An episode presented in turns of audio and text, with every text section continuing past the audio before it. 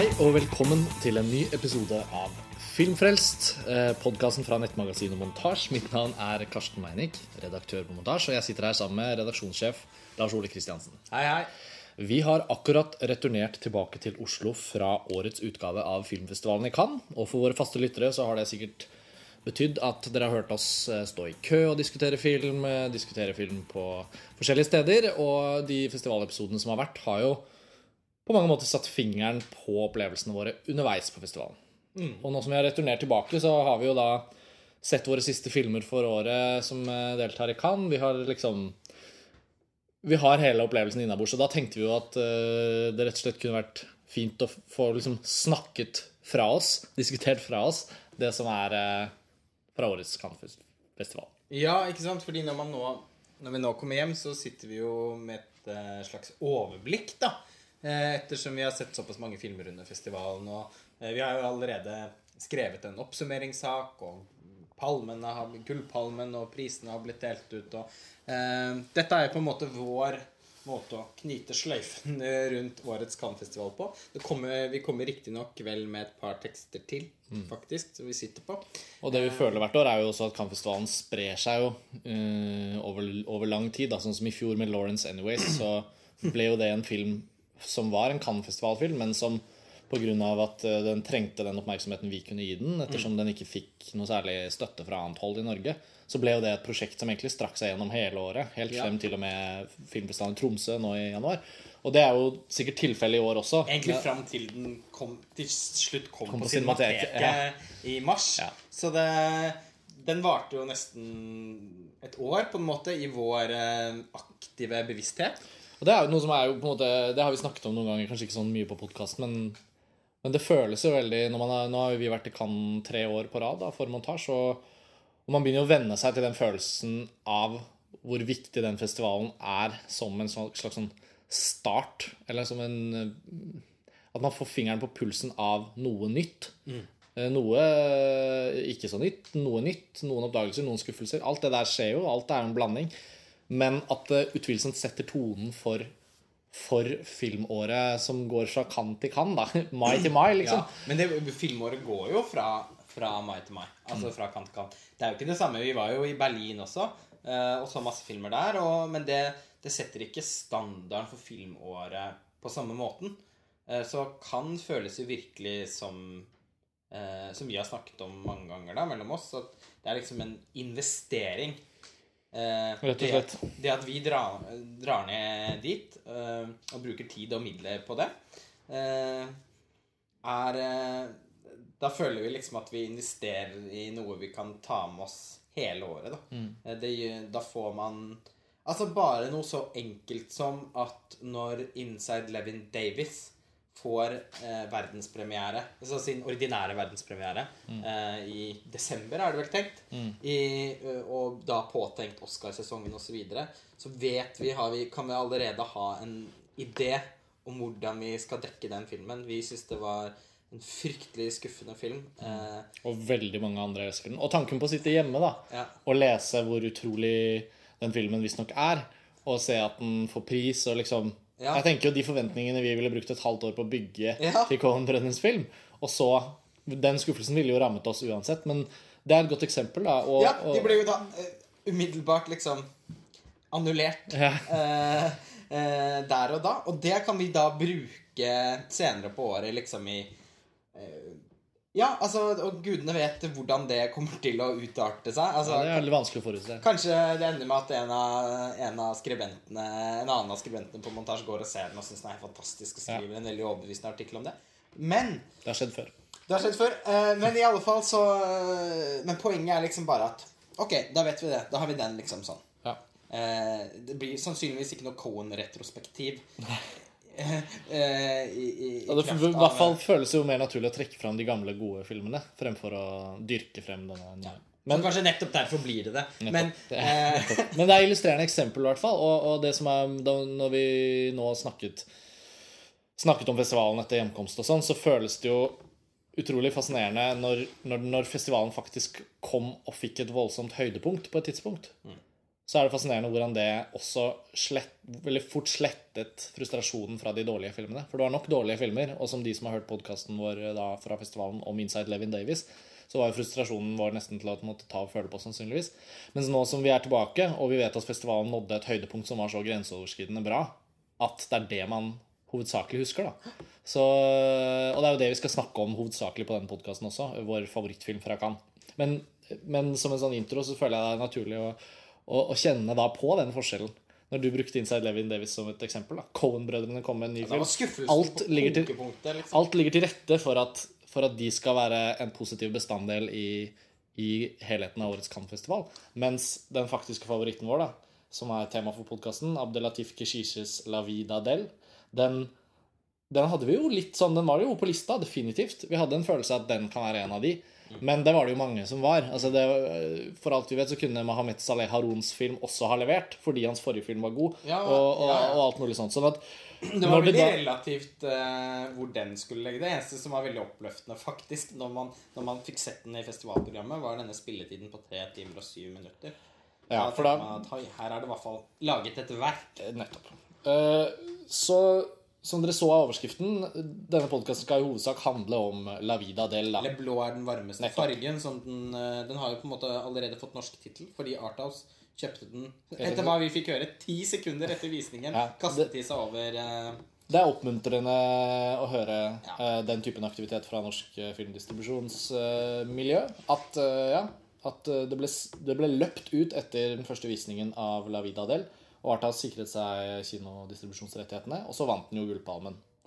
Så vår favoritt fra festivalen eh, var jo en film som rammet veldig mange. Det var ikke sånn at vi sto alene om å elske den. Det var en sånn Man bare kjente en blå bølge skylle inn over jeg, jeg, Cannes-festivalen. jeg tror man kan si at eh, noe av liksom, dramaturgien til Cannes-festivalen i år var at den første halvdelen av festivalen var uh, Det var veldig mange ikke, ikke nødvendigvis direkte svake, men ganske middelmådige filmer. Eh, det var få filmer som folk kunne enes om at var virkelig bra.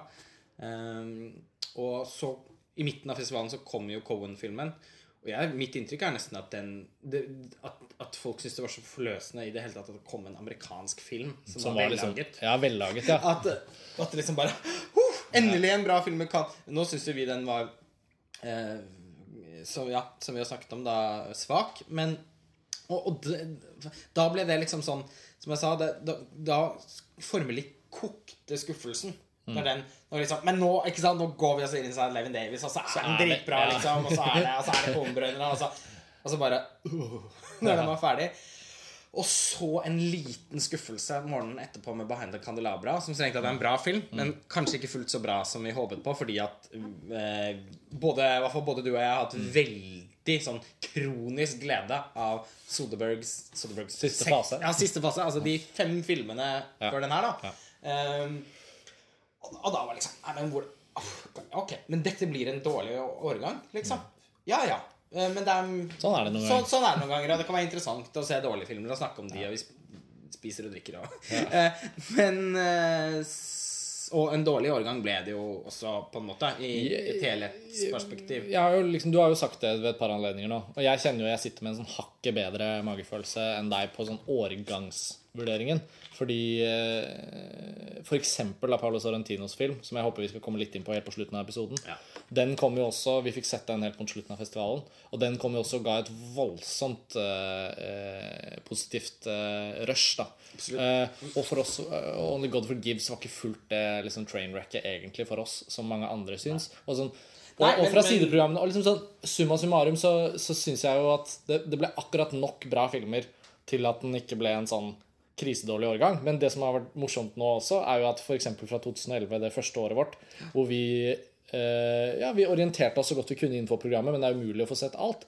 Og når vi har fått sett en del av de andre filmene som i tillegg var i konkurransen, i tillegg til de vi så og elsket, altså Melancholia, Tree of Life og, sånt, og Drive og sånn, som vi så der, og så i tillegg da etterpå så ser man House of Tolerance Police. og Police, og så, så plutselig tetter det seg på, og så ser man tilbake på en hovedkonkurranse to år etterpå og tenker fy faen så mye bra det var der. Og og så ser man Under huden av Almodovar igjen, og så er det egentlig Ja. en av de to-tre beste filmene han har laget. Og så, ja, men, men det året der Det er det ingen tvil om. Crazy. Og Uncertain Regard da også, med Marty Marcy, Ja. Martha Marcy, May Marlene, eh, Miss Bala. ja. Eh, snakker om en ganske annen årgang. Jeg tror uansett ikke eh, gjensynet med Borgermann blir i samme stil. Nei, altså. fordi altså, jeg ville jo ikke sagt at 2013 var er måle seg med 2011. Nei. Det er ikke Nei. det jeg mente, men egentlig tenker jeg da vel på at ryktene om tidligere årganger som har vært jævlige, høres ganske mye jævligere ut enn det vi har sett i år. Så jeg tenker sånn, Hvis man liksom prøver å tenke utenfor de tre årene vi har vært der, så ser jeg at 2013 Altså sånn eldre, renommerte, gamle britiske journalister som sier sånn det var en bra årgang, de, de ser nok sikkert også den i lys av liksom Brown Bunny-året. Og, og liksom Ja, vi- det, har, det har vært katastrofer i Cannes som er langt verre enn det vi har vært vitne til i år. Vi skal, eh, det er klart vi skal huske på det at eh, det er strengt tatt bare tredje året vi er der nede, så vi er ikke noe meritterte Vi er sånne små sånne sommerfugler som er på, vidt, på vei ut av larven, liksom. Vi er, vi er ikke sant? Så, så når vi, vi hadde, en, eh, hadde en kveld hvor vi drakk øl med noen danske journalister og, hvor Jeg husker også da at en av de Ja, nei, men jeg syns det var en, jeg synes det var en god årgang. Mm. Nei, men altså Og så, og så kommer vi Ja, men det har jo vært Ja, ja, men det er jo så hvert år tidligere som har vært mye, mye svakere.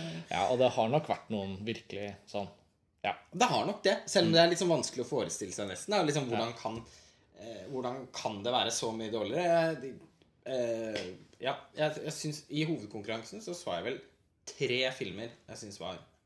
Virkelig bra.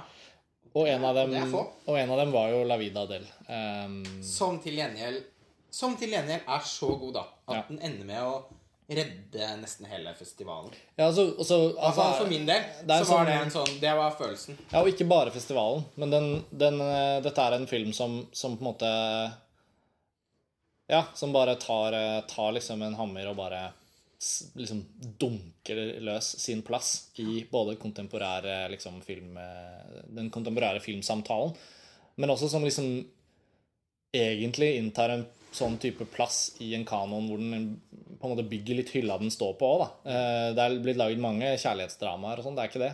Men det er noe med den filmen, akkurat måten den er på, gjør også at eh, selv om den ikke er sånn grensesprengende original fra, fra element til element i filmen, så er det noe med at helhetsopplevelsen av den filmen og den kontakten man får med de menneskene den handler om, den er så enestående at filmen ganske umiddelbart føles som en helt unik type film. Og når den har fått Gullpalmen, så, så er den banket inn i filmhistorien uansett. Ja, og ikke minst da Men man må kunne driste seg til å si at den er allerede litt inne i filmhistorien. Ja, det er jo det, ikke minst fordi at juryen også tok en historisk avgjørelse om å la Gullpalmen tilfalle tre kunstnere, som de kalte dem.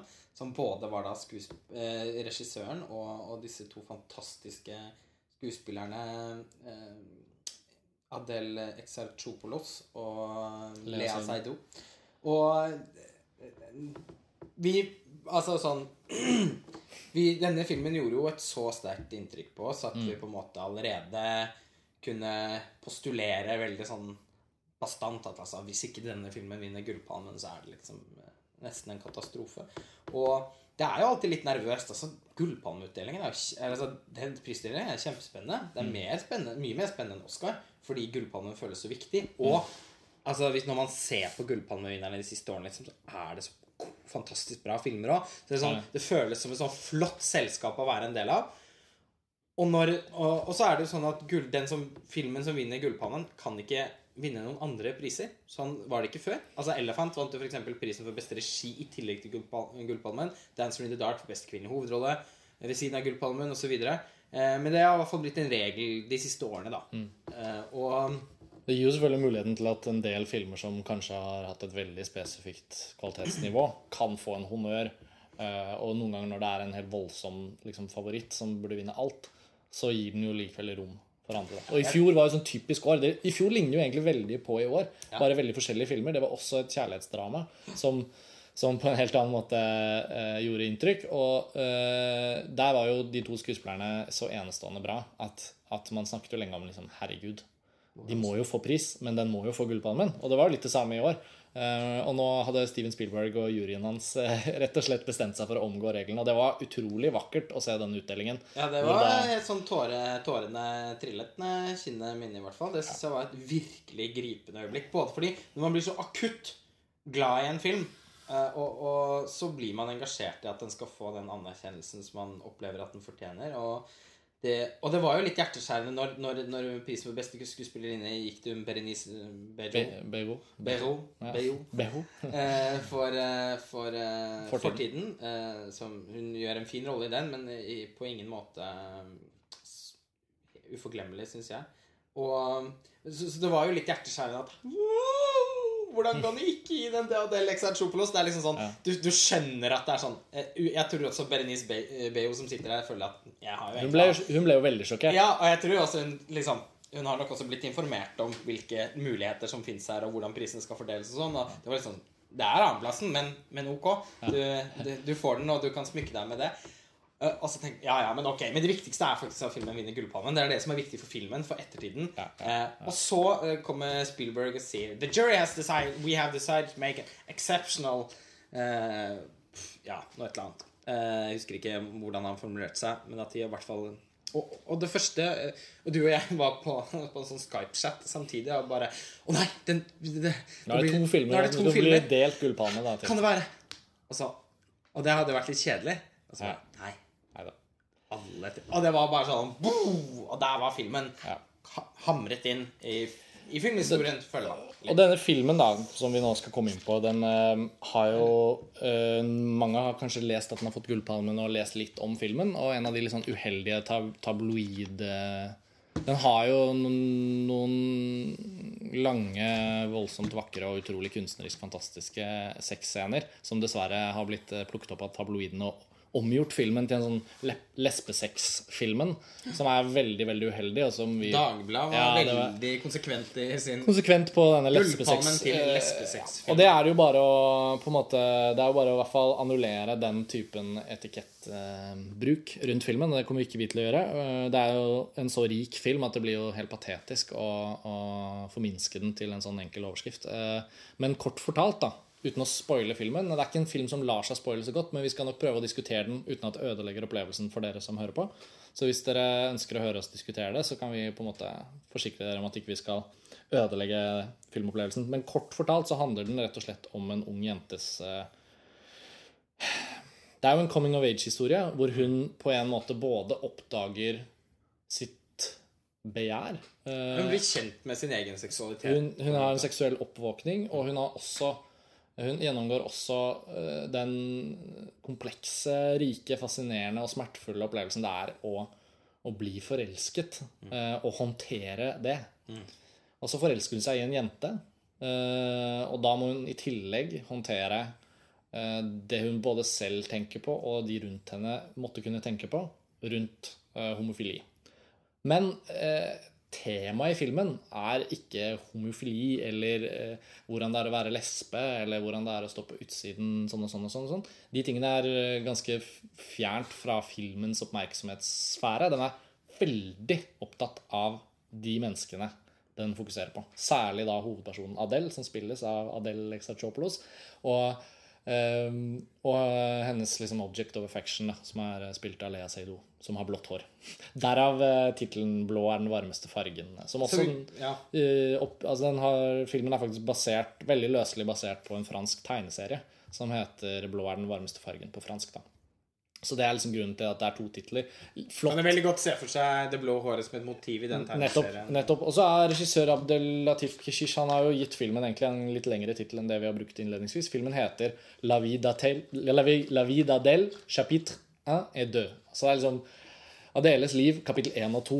Eh, og han sier også i et intervju at det er ikke helt ueffent for han å se på dette som en slags sånn Antoine Doanel-serie, sånn som Truffaut gjorde, med først 400 Blows og så flere filmer etter hvert som karakteren vokste opp.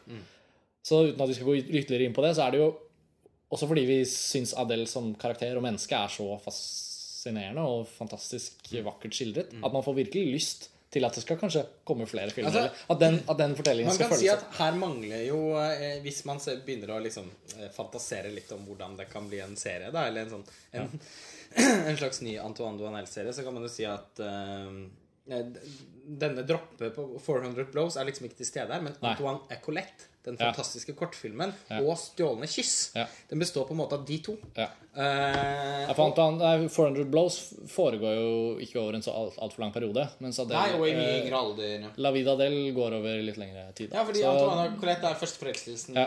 eh, og så stjålne kyss, etableringsfasen, ja, ja, bli voksen. Og, denne, og det er så fint med filmen at den ikke den er ikke delt inn i noe kapittel. Det er ikke sånn kapittel 1, kapittel 2. Den er bare, det, man skjønner så godt hvorfor den heter det. For det, er liksom, det virkelige livet tar jo til i det. Mm. Altså, barndommen er noe annet. Det er liksom, det er mer en sånn Mer en, eh, et, et forord. Mm. Uh, og så begynner liksom livet. Kapittel 1 og 2. Og det er bare den tittelen er, blir nesten den, Ja, det blir så Det høres alltid så bløtt ut å si det, men det blir, så, det blir så poetisk, da. Og vi har vel I lys av hvordan filmen er. ja, og vi er vel litt enige om at det hadde vært stas å kunne kalle, kalle filmen for La vida del chapitre deux hver eneste gang vi snakker om den. Men det er klart at er vi veldig vi har vel også erkjent at nå etter hvert så vil denne filmen bli snakket om som blå er den varmeste fargen, og det er greit. Det kan man akseptere.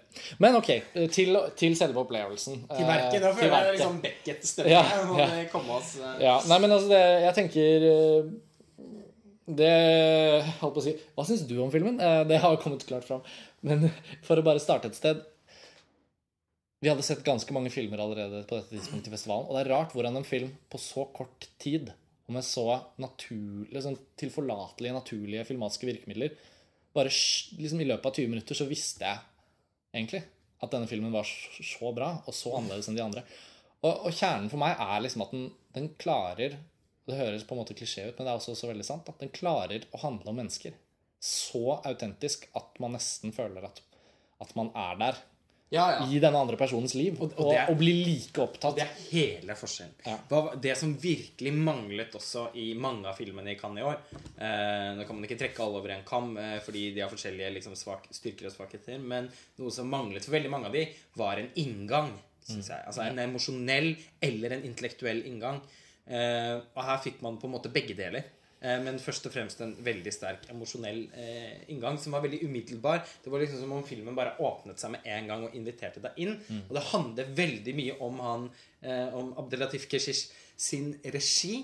Eh, fordi eh, som, som er helt som, som ikke ligner helt på noe annet jeg har sett. Eh, vi har allerede begynt å snakke litt om at det er en eller annen Det er noe på gang i fransk film som vi nok skal komme litt tilbake til. Altså det er en sånn slags Det er et, et, et, et eh, liksom kameraet og filmskapernes forhold til virkeligheten. Der holder de på med noe et eller annet interessant. Eh, Ja, og det har vi allerede begynt å diskutere. Det er en av oppdagelsene i Cannes i år, men den skal vi sitte, litt, sitte på. litt på og, og, og jobbe litt ordentlig med.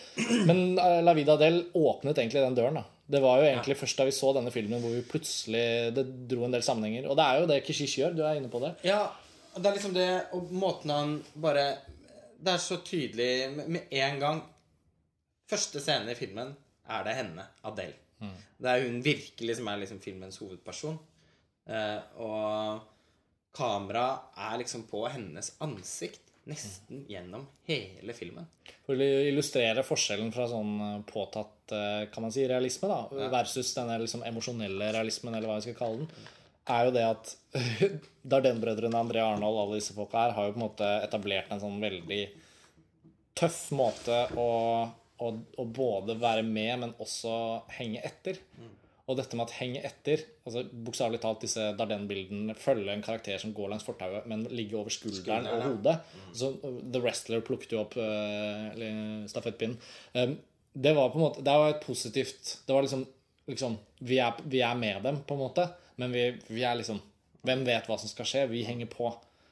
Men i lys av La Vida Del så blir det som et hamrende argument mot, da. Og jeg tenker på sånn Hvem har lyst til å henge etter? Når man kan være inni, liksom. Ja, ja, det er jo også sånn som det er sagt. Så når Keshish vender kameraet, som du sier, rett i ansiktet på Adele, og bare slynger oss inn i livet hennes, så får man jo en, en type filmopplevelse som, eh, som alle disse distanserte Ja, realistene han- kan se langt etter. Ja, fordi han er interessert i henne. Han er ikke distansert fra henne. Han har ikke, eh, det er ikke Dette er ikke realisme som et stilistisk uttrykk. Eh, Det er ikke det er, ikke, det, det er ikke gjort noen grep for at det skal være røft, eller for at det skal være den hardheten som er i uttrykk til eh, det, ja, det man tenker på som ny europeisk realisme, da. Kanskje særlig den britiske skittenrealismen, som jeg personlig kan synes er dørkende kjedelig. Eh, og jeg er fryktelig lei det også. Det, så, særlig det grepet som driver med det evinnelige kameraet som henger bak skuldrene. Og som du, eh, ja, nei, men, eh, men Keshish har en helt annen type tilnærming. Han er interessert Han er åpenbart veldig forelsket i hovedkarakteren sin eh, i Adele. Han, eh, og i skuespillerinnen som spiller Som bærer det samme navnet. som bærer det samme navnet. Eh, altså Måten han bare filmer ansiktet hennes på, gjør jo at vi blir akkurat like interessert i henne som han. Og det handler ikke om noe fetisjering. Det er ikke, den Filmen er så langt fra det som det er mulig å komme. Det er, den har en sånn matter of fact-tilnærming. Det er bare sånn Her har vi henne. Hun er et veldig spennende menneske. Nå skal jeg fortelle dere hvorfor. Ja. Og, og fra det tok Altså, vi snakker om at vi, etter 20 minutter øh, Ja, det var vel omtrent da man virkelig en, følte at Men jeg syns vel egentlig bare det tok to minutter Ja da, før jeg var altså. Ja, men sånn Jo, men det, det er ganske utrolig å få til. Ja. Ikke noe fortekster, ikke noe Det var bare sånn Hun, Den er i gang. Hun rekker ikke bussen. Skal på skolen. På skolen, Stille spørsmål, spille spise spagetti hjemme. Så er man liksom Det var ikke Ja. mye mer enn det. Nei, det, det var ikke mye mer enn det. Og det fantastiske scenen hvor hun spiser spagetti. Mat er jo åpenbart et, eh, et motiv for uh, Keshish, Keshish. Også ja. den uh, The Secret of the Grain, forrige Ja. filmen som han lagde. Nei, Eh, nest forrige. Den forrige var Black Bla, ja, nest forrige, ja, var Black Beans. Uh, nå- som det- nesten er umulig å oppdrive. Ja. Som vi har funnet ut at Folkets Bio i Sverige har gitt ut på DVD. Vi er i en oppdagelsesfase med Keshish. Det er definitivt uh, tilfellet. Men ja, nei, akkurat. ikke sant, Mat og hvordan han bruker det gjennom hele La Vida Del, uten å gå inn på alle de scenene Østers, som kommer. Ja. spagett, og denne nydelige spagettien som hun ja. Og hun, eh, eh, altså Adele, da, må, når hun spiser den spagettien veldig Faren er så god til å lage. Ja, så blir det sånn Å, c'est bon. Det er så godt. Kan jeg få mer? Ja, selvfølgelig, jenta mi. Og hun spiser og liksom tyter ut av munnen. Så hun har sånn Og når hun spiser lunsj med han eh, fyren som hun dater også hun, hun snakker med maten i munnen, og, og på en eller annen måte så er det noe sånn veldig sjarmerende over måten hun forholder seg til verden på. Hennes, Adele sitt blikk på verden Ja. er veldig eh, Man kan både identifisere seg med det, men også føle at hun er, hun er jo et helt fantastisk, unikt, flott menneske. Ja, Altså, det er den! Ja, Det er den. Man er sånn det er ikke. Topp hun er. Ja, og så er det ikke sånn det er jo ikke, Og det er jo det. Denne filmen skiller seg også fra veldig mye annet man ser, også f.eks. nå i Cannes. da. Det er veldig mye sånne fikse ideer. Det er mye konsepter. Det er mye sånn Men hva hvis? Eller liksom Tenk om? Eller alt dette her. Og det kan ofte bli veldig flotte filmer av det. Det er ikke det. Men, men her er liksom Hva hvis? Det er liksom sånn Hva om jeg viste dere denne jenta her, som lever og går på den skolen og tenker sånn om ting?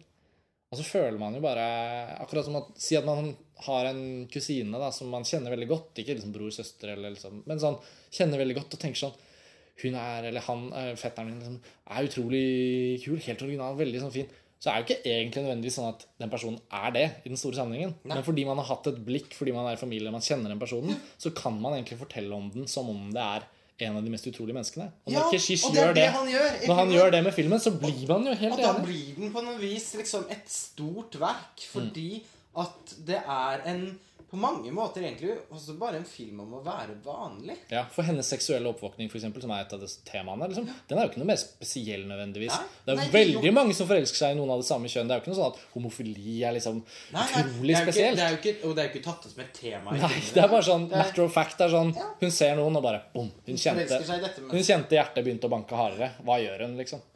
Uh, og ja, nei, nettopp, nettopp det at vi også kommer da inn på hennes utforskning av hvordan livet hennes skal bli, og hvilke, altså hvordan begjær ryster henne, liksom, og hvordan, hvordan beslutningen hennes blir sånn eller sånn, hvordan hun skal være.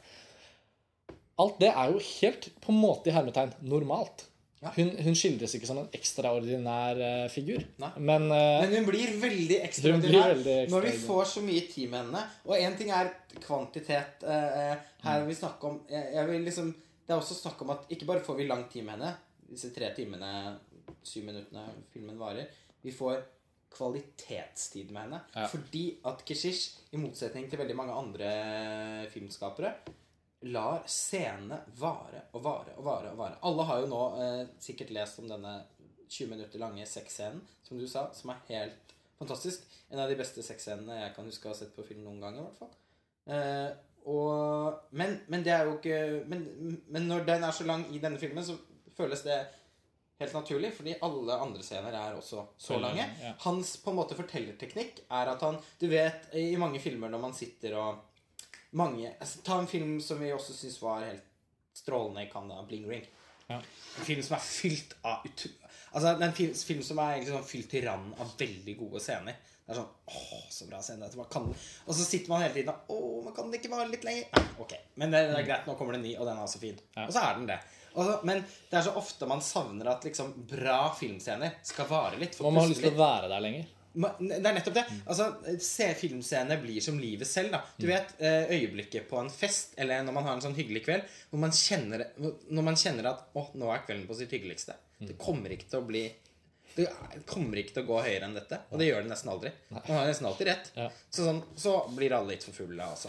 Eller sånn Sånn, den, Det øyeblikket som alltid, i hvert fall for meg, liksom kiler litt i magen, altså en lykkefølelse, det, er igjen, det har man gjennom hele filmen. Fordi at alle scenene i denne filmen er så gode. Det er nesten helt utrolig hvor gode nesten hver eneste scene er. Og alle er lange. Så man får tid til å ikke bare nyte dem som ren sånn som filmkunst, men man får muligheten til å være i hver eneste scene. Delta, studere menneskene, bli enda mer kjent med dem. Se eh, for ulike fasetter. Eh, Ja. Nei, det, bare så det- bra det er fascinerende, for det er liksom, som du var inne på, det blir jo nesten som et slags sånt et slags autørtrekk ved Kishish, fordi det han Det er jo veldig lite tilfeldigheter i samspillet her. Man ser jo at her er det en person som virkelig på på etter hvert ganske mesterlig vis, da, og det er jo nå han får Gullpalmen etter fire eller fem filmer. og øh, Han har liksom forfinet et eller annet her, og det kommer vi sikkert til å oppdage når vi blir kjent med de andre filmene hans, men det man, det man ser, det man merker, er at han ja, han har lange scener, og de er veldig godt spilt. Og de er interessante, men de er ikke liksom Sånn som denne filmen er på en måte aldri sånn at én scene er sånn helt eksepsjonelt dramatisk eh, nødvendigvis. da Det er noen dramatiske scener som liksom Som innebærer eh, krangling eller liksom gråt. Og liksom. det, er jo, det er jo ikke det. Det er en ganske dramatisk film. Men jeg syns at en av de tingene som viser hvor, hvor sterkt hans overblikk har vært, er at i tillegg til at scenene i seg selv er lange og fryktelig gode, så er det aldri sånn at en scene før eller en scene etter en annen scene slår i hjel eller liksom på en eller annen måte ødelegger for den scenen som var. Sånn kan det ofte være i filmer, og tenker også ofte på i forhold til hvordan en film settes sammen og klippes og sånn. Eh, Jeg har vært med på det selv da, med, i fjor med En som deg, som var litt min klippedebut. Så tenker man jo ofte på at hvis jeg flytter hele denne scenen til et annet sted, så løser jeg egentlig problemet de to andre scenene hadde. For det var den Det var ikke at enkeltscenene nødvendigvis hadde noe stort problem, men det var det at de lå sånn som de gjorde, som gjør at man får på en måte publikum får liksom Det blir feil. Man kjenner det selv som publikum. Man sitter og ser det om igjen, så er det sånn Nei, men det, det blir feil. Det blir feil rytme. eller det blir feil. Så liksom omrokering og sånn, det er jo en, noe av det viktigste tenker jeg ofte på. Og det Kishish gjør, er jo liksom at jeg aner jo ikke i hvilken grad det har vært omrokeringer av ditt eller datt. Den er jo ganske sånn Kronologien i fortellingen ligger ganske strømlinjeformet, så de har nok fulgt etter hverandre. Men det kan også ha vært ting som har vært tatt ut for å gi løfte opp, og han virker som han har hatt en utrolig klok periode med filmen, rett og slett. De jeg har Skjønt sånn at innspillingen var ganske lang. Ja, fordi jeg, det har også skjønt ting jeg har lest, at de, um, Han har jo sagt at de satt på veldig mye materiale, og at han kunne laget veldig mange andre filmer her også. Det er ty det som også er åpenbart med Når scenene er så lange, da, uh, og så eh, Merkverdig nok så snakker vi jo da om en tre timer lang film som består av ganske få scener. Eh, og det er Han har da ikke lagt til disse mellomscenene. Altså sånn Man snakker ofte om eh, ja, Innenfor filmvitenskapen og sånn når man, eh, når man skal gjøre en narrativ analyse, for eksempel, så snakker man ofte om kjernescener og komplementærscener. Mm. Denne filmen består bare av kjernescener, samtidig som om alle disse er det som ville vært komplementærscenene i en annen film. Nettopp. Altså tiden du tilbringer med karakterene. Eh, og han og det er ingen sånn, det er ikke noen sånn korte scener som er lagt inn mellom de. Det er bare essens, da, hele. Det virker som Og det er sikkert som han sier, han kunne sikkert laget en seks timer lang film her. Mm. Men han har tatt vekk Han har ikke sånn Men så må vi ha to minutter med det innimellom. Nei. Det er veldig lite av det. Ja, og det er et, et veldig fascinerende Altså sånn Den er veldig fascinerende som et stykke filmkonstruksjon. Ja, hans, Det må ha vært enorm inspirasjon for folk som Nå lager ikke jeg film selv, sånn som du gjør. Men jeg tenker at det, Jeg- dette må jo være en film til stor inspirasjon. Ja, Jeg tror, den kommer til å, jeg tror den kommer til å være med å forme og egentlig omdirigere mange unge filmskapere. Jeg håper det. For jeg tror, jeg tror den kan bidra til å hjelpe folk litt vekk fra denne henge over skulder-realismen. da, Og tilbake til menneskene, liksom. Og, og, og jeg tenker jo også på de utelatelsene, eller ellipser som det kalles, da, når han liksom går fra en scene til en annen. Og i løpet av de første minuttene av den neste scenen så skjønner man at har det, gått, har det gått et år nå? Eller hva? Men ikke på en forvirrende negativ måte, men mer sånn at man leser jo mye mer aktivt den scenen som da er i gang. Fordi man må, må snøre litt ting sammen Så selv. var, akkurat sånn var det jo når, når vi har snakket om disse At det, det skjer noe et eller annet i fransk film som vi, som vi har sagt som vi skal komme tilbake til. da Men da dukket jo My Venn og Police opp i samtale. Sånn er det jo i Police òg. Den hopper også i tid uten å liksom understreke Og ikke det. markere det med en tekstblokk engang. Sånn ett Nei. år senere. Eller nei, nei, sånn. og, Det og heller ikke markere den med en sånn eksposisjon som gjør at det, det bare og, Men på, hvor poenget er at det er ikke hopp i tid i seg selv. Det er mer at man skal kunne tenke at her må det ha gått litt tid. For nå er de annerledes med hverandre. Mm. Sånn, det, det skaper en hel, helt annen type filmopplevelse. Og hun òg, i Police, som er, som er en fantastisk eh, jævlig undervurdert film. Ja, det er fortsatt. veldig bra. Hvis det er noen som hører på nå og fremdeles ikke har sett Police, så er det bare å komme seg på platekompaniet. Jeg tror til og med det er på salg der nå til sånn 59-50. Ja, og jeg, og, og, jeg tror ikke annet at veldig mange ikke har sett Jeg får inntrykk av at nesten ingen har sett Ja, Police. Heller ikke folk som er interessert i det. Den var i hovedkonkurransen i 2011 og vant jo um, Jurypris. juryprisen. Ja. Uh, ja, se Police. Eh, og, men den har litt sånn samme Mayuen nå i den filmen er opptatt av ansiktene og av menneskene. Hun er ikke opptatt av å komme med sitt bidrag til eh, realismen som formuttrykk. Nei. Det er, Men- men- igjen, det er sånn matter of fact. eh, Ja, for det er noe. Hensynet til menneskene er ganske likt med Keshish, på en måte. Mm. Mens hun er veldig saksopptatt, på en måte. Hun har jo tatt et veldig et tema. Mm. Eh, og det er jo ikke, i hvert fall ikke i denne filmen, så er jo ikke det noe Keshish er opptatt av i det hele tatt. Så det er liksom, De skiller, skiller seg fra hverandre på et vis, men så har de også mange ting til felles. Og det viktigste fellesskapet er jo at begge filmene er veldig veldig bra. Ja. Um, og, og det som er gøy med La Vida Del i tillegg til alle de tingene vi har snakket om nå, er jo at den også er en ekstremt underholdende film. Fordi hennes utforskning av livet, hennes holdning til det som skjer med henne, er så åpen. Hun er ikke interessert i å skjule ting. Hun er, liksom, hun, hun er også det mennesket du kjenner som liksom bare sier ting. Og så får du forholde deg til det. da. Og, og det, er en, det er kommet to klipp fra filmen på det nåværende tidspunkt uh, som ligger ute på YouTube. Og en av de scenene er da fra utenfor skolen, hvor da liksom noen av venninnene hennes har observert at hun gikk fra skolen en annen dag og møtte en jente og liksom tok følge med henne av gårde. Og så har det vært noen rykter.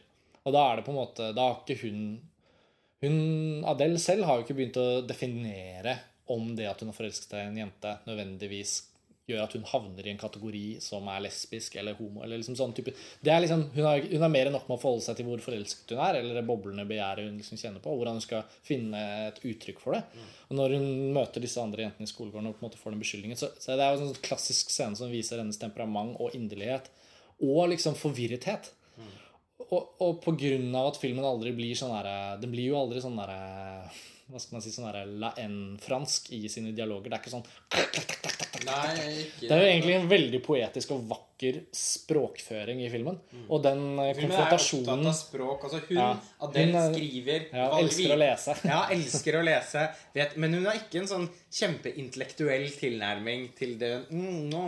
så, så, Hun er jo så er man må jo bare, hun er jo altså bare sånn et så nydelig menneske at man får så utrolig lyst til å bli kjent med henne. Ja. Og så blir man kjent med henne gjennom filmen. Hun føles som Det er jo sånn film på sitt beste. Ja, Altså, hva mer kan man be bli- om da? enn å liksom, Du setter deg ned tre timer med en film. Du tenker aldri på at tiden går. Den føles ikke tre timer, eller sånn, Den er underholdende den er meddrivende på alle mulige måter. Men når den er ferdig, når man tenker tilbake på denne filmen, og da heter den jo virkelig La vida Adele, det er jo det at liksom Adels liv er, er jeg med på. Jeg har fått se det. Jeg kjenner henne. Jeg bryr meg om henne. Jeg har lyst til at det skal gå bra. Jeg har, jeg har lyst til at liksom Man blir virkelig sånn. Og hvor mange filmer kan man si det om? Nei, det er veldig Jeg er overbevist om at juryen må ha hatt lignende samtaler hvor det bare Det var jo egentlig Nå er det jo helt åpenbart at den fikk Gullpalmen.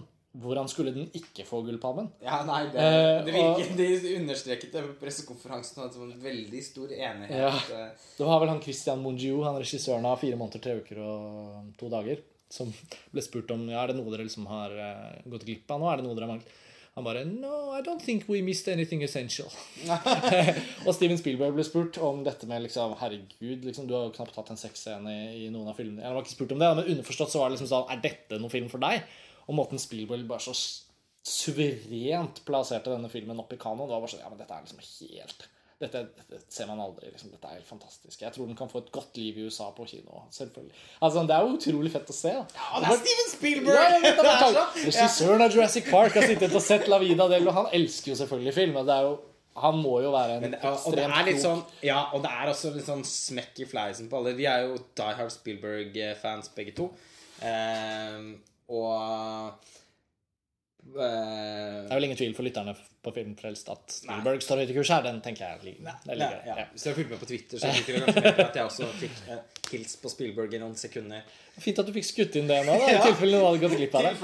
gått glipp av det. Det er bare, Jeg kan eh, bevitne det faktum at Lars Ole strakte ut hånden og sa til Steven Spielberg eh, You're the greatest director in the world, eller noe sånt. Ja, noe lignende. Og så sa han thank you. Thank you, thank you. Da var du ganske fornøyd. Da var jeg helt eh, Så vi har snakket med Spielberg om det, og Spielberg har sagt ja, vi har liksom Vi har hatt vår egen pressekonferanse med Nei, men eh, eh, Så ja, som Ja. alle sikkert har fått med seg, så er vi veldig fans av Spielberg. Eh, og det har vært så mye snakk om Ettersom han er jo en så stor Det er sjelden at en så stor stjerne liksom er eh, Er juryleder i kan, altså sånn, han, han er en regissør altså sånn, han er en større stjerne enn skuespillerne i filmene sine. Man merket det der nede. Og det var han som var flankert med livvakter hele tiden. Altså det var sånn Han er en sånn gudeskikkelse. Han er litt sånn eh, filmens svar på Michael Jackson, liksom.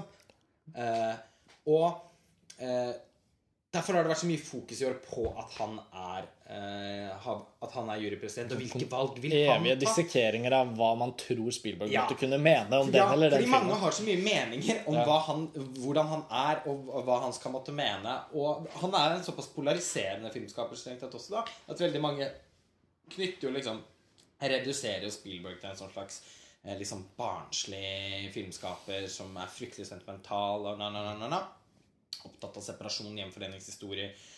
Eh, men jeg husker jeg, husker jeg har sagt eh, ved flere tilfeller når det har kommet opp i samtalen Nei, men altså, jeg tror Spielberg er så Han har, han har åpen Han kan så mye om film at man må liksom Det blir jo helt latterlig å sitte og undervurdere hvilken kompetanse han har. Og jeg tror overhodet ikke han er interessert i å se det han er god på selv. Altså Det er jo Tvert imot. Når hans Ja, han er ikke noe Det kan man jo si. Han er ikke noe spesielt god på å lage sexscener. Han laget, har vel bare laget to. En Han voldtekt i har han- liste. Men har han, han også holdt seg unna det? da? ja, og en ganske forferdelig sexscene i den ellers glimrende filmen eh, München. Uh, men, det klart, men han er jo ikke ute etter Og alle snakket om sånn ah, det er den Koreda-filmen, den blir Fordi det var noe eh, Ja, Da var det en sånn uh, far-sønn far-sønn-separasjon, hjemforening. Men selvfølgelig, den tenker også Spielberg. Ja, fikk en jurypris, da, akkurat som jeg spådde. Ja. Sikkert en jurypris, men kom igjen, det er ikke noen gullpalme. Eh, og, og, øh, nå sitter jeg og hyller meg selv for mine spådomskunster. Ja, men det, her er det jo et usensurert medium, så det er bare Ja, men, men, men så vi men, men, så, men ja. Eh, det er klart at Spielberg trekkes mot filmatiske uttrykk altså, som han kan bli inspirert av, og som han kan bli imponert av. Og når denne La Vida del kommer, liksom, så er det, var det nok aldeles selvsagt. Ja, det var det ingen tvil om. Og, og det er jo nå som vi har snakket litt om filmen nå, jeg tenker jo at uh, det må være oppmuntrende, ikke bare for Steven Spielberg, men for Lynn Ramsay, for Nicole Kidman, for eh, Christian Monjou, for eh, Ang Lee, for alle de som satt i den juryen, som har store, altså meritterte karrierer. nesten det var vel en av de mest stjernespekkede sånn sett. Kunstnerisk, film, filmmerittert-messig, liksom. Så, så var jo den så tung, den juryen, at man nesten skulle tenke at de burde gi prisen til seg selv, på en måte, for eh, lang og god tjeneste. Ja, Men, veldig men, spektakulær jurysammensetning. ja, men, men det jeg skulle si, det ja, ikke sant? Men det jeg skulle si, var at eh, det er, altså at La Vida Del er den typen film som da kan gi alle dem en frisk følelse av at det fremdeles er noe vits, liksom. Det er ikke sånn at ting, alltid ting er gjort før. Og det er jo ikke sånn at fordi noe gjøres en gang til, så betyr det at det ikke kan holde mål med alt det andre som er gjort. Det er alltid noe nytt å utforske, og det er alltid interessant å utforske mennesker. Og, og hva nå enn de velger av form og sjanger, og det, det, er, det er mange veier til rom, på en måte. Og det at Keshish med denne filmen han har jo egentlig satt seg ekstremt høye ambisjoner. For, for som Spielberg sa på pressekonferansen, hvis det bare hadde vært 3 feil casting her, eller hvis det var no, bare hvis en liten millimeter av dette ikke hadde gått, gått den veien det burde, så hadde ikke denne filmen på noen måte klart det. Man kan si at eh, eh, Christopher Nolan har høye ambisjoner med Inception fordi det er så jævlig ambisiøs idé å tenke liksom, hvordan skal han få til det og sånn. Men det er jo ikke noe mindre ambisjoner at Keshish velger seg en sånn type historie som dette med såpass komplekse f.eks. sexscener. Da mener jeg komplekse i den forstand at Sexscenene er jo lange fordi den skal fortelle oss så mye om dynamikken mellom to mennesker. Så mye Ja, ja. om opplevelsen av å gjøre en seksuell oppdagelse. Den blir jo et språk, altså for deres liksom Kommunikasjonen dem imellom. Altså den Og den måten sexen er et uttrykk for begjæret mellom de to menneskene på i den filmen, det ser man jo aldri på film. Aldri. Og hvordan sex fungerer som en kommunikasjon. Ja. Og som en liksom som en, Nei, det er så mange ting som Det har jeg aldri sett Nei. eh, gjøres på film. Og fordi sannheten er jo at hvert enkelt menneske har tilgang til veldig få sexliv. Altså sitt eget og sin partner. altså Noen har veldig mange partnere, og andre Selvfølgelig, det er alt det der, og noen har ikke, ikke noe særlig sex i det hele tatt. Og alt det og det er helt naturlig, og sånn er det med mennesker. Men det at en film, som er film, som er Ja. bevegelige bilder, som er realisme, som gjør at vi kommer så nært, klarer å skildre det, og klarer å separere, ikke minst, uh, sex fra pornografien. Og Altså, fra, og fra, Og fra voyeurisme, voyeurisme og alle de andre tingene, men rett og slett tar oss med til en type sånn Jeg vil si at jeg ikke tror det er blitt gjort det så bra Nei, på noen ikke- film. Jeg har ikke sett det på film før. Og det ikke, handler ikke, Ikke selvfølgelig ikke om estetikk og opphisselse og noen av disse tingene. Det handler utelukkende om mennesker. Og fordi at vi alle vet at, eh, at sex og samliv da, Veldig klisjéfullt begrep, men eh, eh, er en så avgjørende del av alle menneskers liv. Det er måte det er, en, altså det er jo egentlig noe av det vi har til felles, uansett hvor vi er fra, hvordan vi ser ut og alt mulig. Og det at det er så sjelden gjort bra på film, gjør jo egentlig La Vida Del til en helt eksepsjonelt verdifull Ja, fordi film. Og da er det enda verre at den den om- tabloidiseres på den måten fordi vi kan snakke om seksualiteten som et veldig universelt språk, da. Ja, som, som du sier. Så, eh, så er det jo viktig at, at, at, at dette også utforskes i, i kunsten. Og da Mm. på film og filmen. Det har kanskje vært det mediet som har slitt mest med det. Eh, fordi Litteraturen er nok bedre, har Ja. nok vært bedre stilt. Ja, altså sånn Milan Kundera og, han Mm. Og da kommer jo liksom- forestillingsevnen inn på en annen måte. Ikke Ja, sant? Fil, filmens filmen hake er jo at den, at den blir konkret. Ja, og og, blir det vis, og at det presenteres, det vises. Det er en eller Ja. annen snuskete dimensjon. Så kan man til og med være glad i det, da. Jeg elsker voyeurisme. ja, ja, men ikke sant? Det er en helt annen Eh, sjanger enn det vi Ja, ser i La Vida. Og, og, det har, og ikke minst, det også har et sånn slags eh, et intellektuelt tilsnitt. Da, Ja, det blir en som avstand handler om noe annet. ikke sant? Man kan, det er utrolig spennende å diskutere hvordan liksom, Hitchcock og De Palma eh, tematiserer tilskuerposisjoner, tilskuervirksomhet, skopofili, bla, bla, bla. bla. Eh, men det, og, og det var tilfellet med den Ozon-filmen, eksempel. Ja, for eksempel. Eh, Som vi likte. Som vi likte. Eh, men, men dette er bare noe helt annet. Og en, hvis vi skal trekke en regissør opp av skuffen, eh, så er det på en måte, syns jeg, Lars von Trier. For de snakker om at en film kommer og liksom gjør noe nytt. Eh, altså når Lars von Trier kom med 'Breaking the Waves', eh, så var det litt på samme måte. Eh, det var også en, en type liksom realisme, en type nærvær til en karakter som var helt spesielt. Han var heller ikke interessert i ryggen til Bess, han var veldig interessert i ansiktet hennes. Og i uttrykkene, og i skuespillerinnen Emily Watson. På samme måte som han var utrolig interessert i artisten, og nå plutselig eh, skuespillerinnen Bjørk i 'Dancer in the Dark'. Eh, det, han har den samme fascinasjon altså, På samme måte som Lars von Trier dyrker de kvinnelige hovedrolleinnehaverne sine, så gjør jo også Abdelatif Keshish det. Han gjør det jo også med hun Hafsia Hersi i den The Secret, of the Grey. Eh, og han Og det er så det er så flott å se. Og samtidig som han er jo et helt annet kunstnerisk prosjekt enn Lars von Trier. Han er ikke ute etter å provosere. Han er ikke ute etter å Han har ikke en sånn eh, ja, altså, Han er ikke særlig til figur selv heller, kan man jo si. Altså, Nei, noe, han har ikke noe det er ikke noe fond der. Nei, nei, det er ikke det. Er ikke det og det er ikke sånn eh, Jeg pleier ofte å beskrive eh, filmene til Lars von Trier som små drivhus. Liksom planter noen frø, og han pleier de, og så eh, vanner han litt her og litt der, og så må han få nok sol inn der. Så, liksom, det er veldig gjennomkonstruert, eh, veldig tenkt. og fantastisk spennende på alle mulige måter, da. Men det er jo en helt annen Han har jo ikke en Altså, han, han lever jo litt på sin egen planet, på en måte.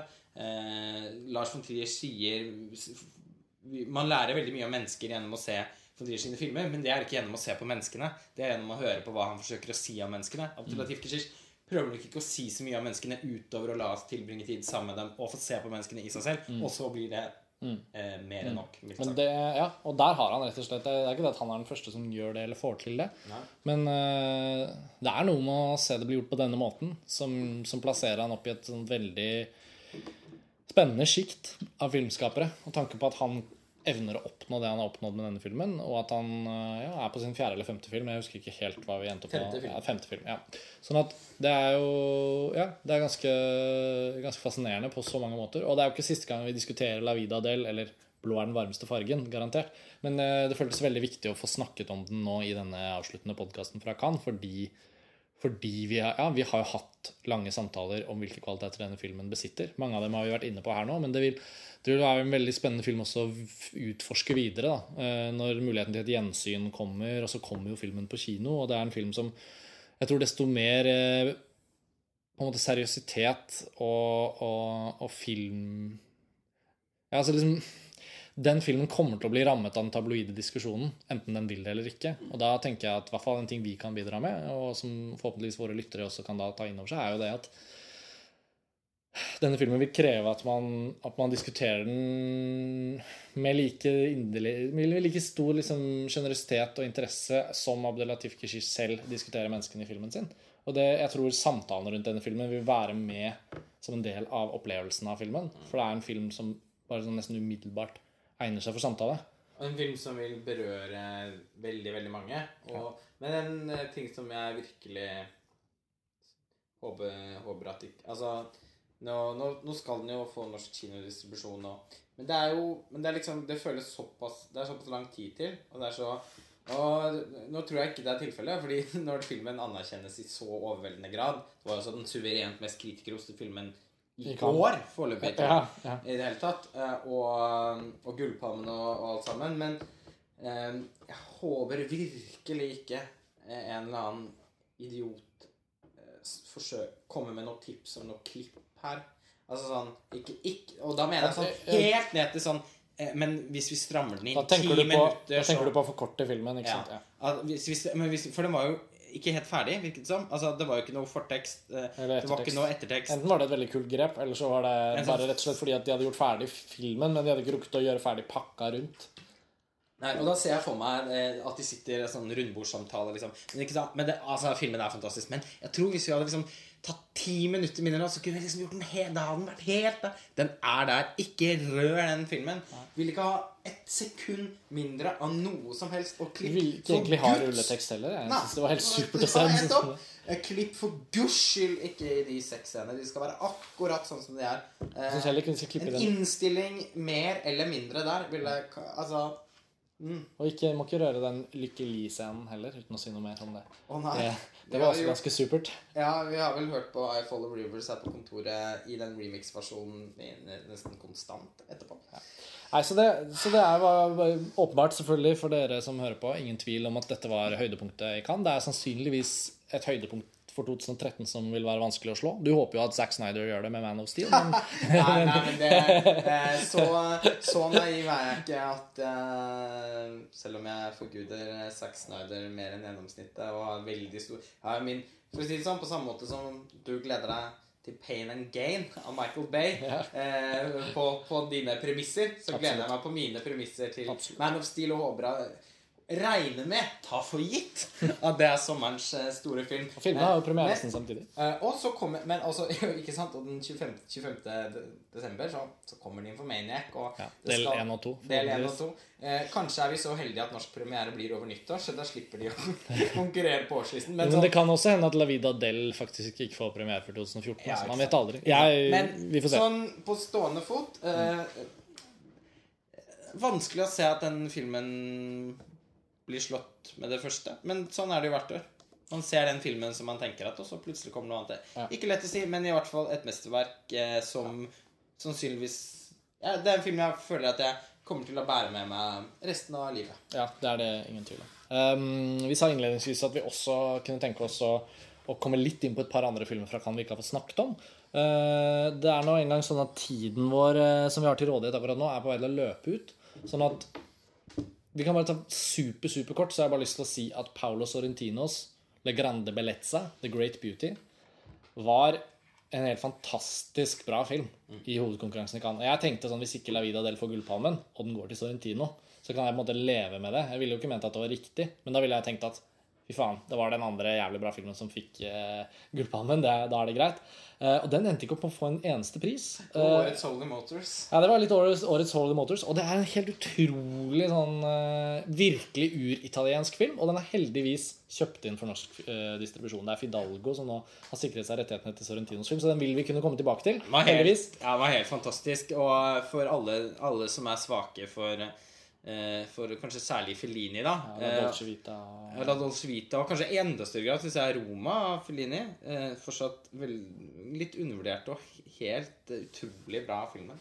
Som, eh, som han gjorde i 72, er det vel. Eh, men den, den eh, sånn, Det er sånn Det er rett og slett et, sånn, et byportrett av det dekadente Roma anno 2013. Ja, Det det føles helt- også sånn Altså, Ja. Det var mange kule åpningsscener i de filmene vi likte, men jeg tenker sånn den åpningsscenen i Le Grande Bellezza, som er en slags sånn 10-15 minutter lang festsekvens, som på en måte bare ikke har en en Alt er bare sånne utrolig fascinerende oppbygde bilder. Klipp til sånne Det er et klipp til et dansegulv som bare starter med en dame som står helt tett opp til kameraet og bare skriker. Skriker, ja. Og så bare rygger hun vekk fra kameraet, og så ser man at det er hundrevis av mennesker som danser på et tak ovenfor Colosseum. Altså, det er sånn- er enorme. Martini-logo som Ja. blinker i bakgrunnen. Det er sånn helt utrolig. Og det er nesten sånn dette uttrykket med at de gjør det ikke sånn lenger. Altså det, det er en film som bare kom litt sånn Vi visste jo at den hadde fått bra best tidligere på festivalen, og da vi fikk sett den, så var det liksom ingen tvil. Men, men det var likevel sånn Jeg hadde ikke trodd at det var sånn den var, da. Nei, Det var helt eksepsjonelt rik film, så jeg ville bare få skutt inn Ja, det på og, slutten. og så godt eh, kløktig skrevet også. Etter, Ja. Sorrentino er jo en veldig visuell Ja, det er ingen tvil om hans evner som eh, liksom visualist. Nei, det er, det er helt eh, fabelaktige. Men, men også et veldig sånn klokt, morsomt manus. Ja. Nydelig spilt. Han, jeg, jeg, jeg, det var veldig mye å ta inn på en gang. Eh, Det var litt tidlig. Jeg, gleder meg veldig til å få sett denne filmen. Nå har vi jo får muligheten til å se den på kino igjen. Ja. Eh, Den kan virkelig også Jeg tror bare den kan vokse enda litt mer òg. Ja. Altså, det er veldig gledelig, da. Og egentlig jevnt over så var det mange av de Det var egentlig den gledeligste overraskelsen, ja. syns jeg. Ja. Sånn, eh, bort, eller Adel, men det var mer sånn fra, Som å få en håndgranat i Ja, og hånda, Sorrentino, liksom. da har vi sett de par siste filmene. og- Og det hadde på en måte Hvis ikke den hadde vært helt super, så hadde jeg tenkt sånn, ja ja. Ja, det hadde ikke vært sånn Eh, Så det var gøy at den var det. Um, This Must Be The Place for to år siden var jo ikke fullt så, nei. så sterk. Mens Il Divo er uh, veldig bra, denne er Veldig enda bra. bedre. Dette er det beste jeg har sett av Sorrentino. Nå har jeg bestilt den, den uh, filmen Ikke den første, men en av de første filmene. Den som kom før Il Divo. Ja, hva het den igjen? Jeg har bestilt den på DVD nå, etter festivalen, for jeg har så lyst til å se den. Ja. Nå, da har jeg nesten Jeg har ikke sett den, så jeg Det er ikke så mye Sorrentino har gjort, så det er litt sånn gøy å ha kjennskap til det han har gjort. Ja. Men det avslutter jo på en måte egentlig Cannes-festivalen for i år. Det er, som sagt, Hadde vi hatt litt bedre tid og følt at vi Dette handler ikke om at ikke lytterne våre ikke kan høre på lange episoder. Vi vet det. Vi har fått tilbakemelding mange ganger. Dere liker at episodene er lange. Dette handler mer om akkurat opptakstidspunktet. Ja, jeg skal rett og slett gå og se en film. Du skal gå og se en film For for at vi skal ta vi opp skal en ta opp en ny podkast senere i dag som skal handle om den filmen. Nettopp. Eh, Så det, og det er hemmelig eh, fordi det blir publisert med lengre avstand. Så det kan alle lure på hva er. Men avslutningen av Cannes-festivalen er kommet til sin avslutning. Nå har vi diskutert eh, festivalen nok på podkasten for denne gang. Det kommer litt mer på nettmagasinet og sånn, så følg med. Men eh, summa summarum eh, Ja, ikke den beste årgangen vi har vært med på, men fordi høydepunktet var et såpass fantastisk høydepunkt, og av et par årsaker til, vil jeg skyte inn, så er det en ikke så verst Cannes-festival. Og, og så kan vi jo bare håpe på å krysse fingrene for at neste års festival blir en av disse klassiske årgangene. Gull- Gullårgangene. 2009-2011. Så vi gleder oss eh, naturligvis allerede til neste år.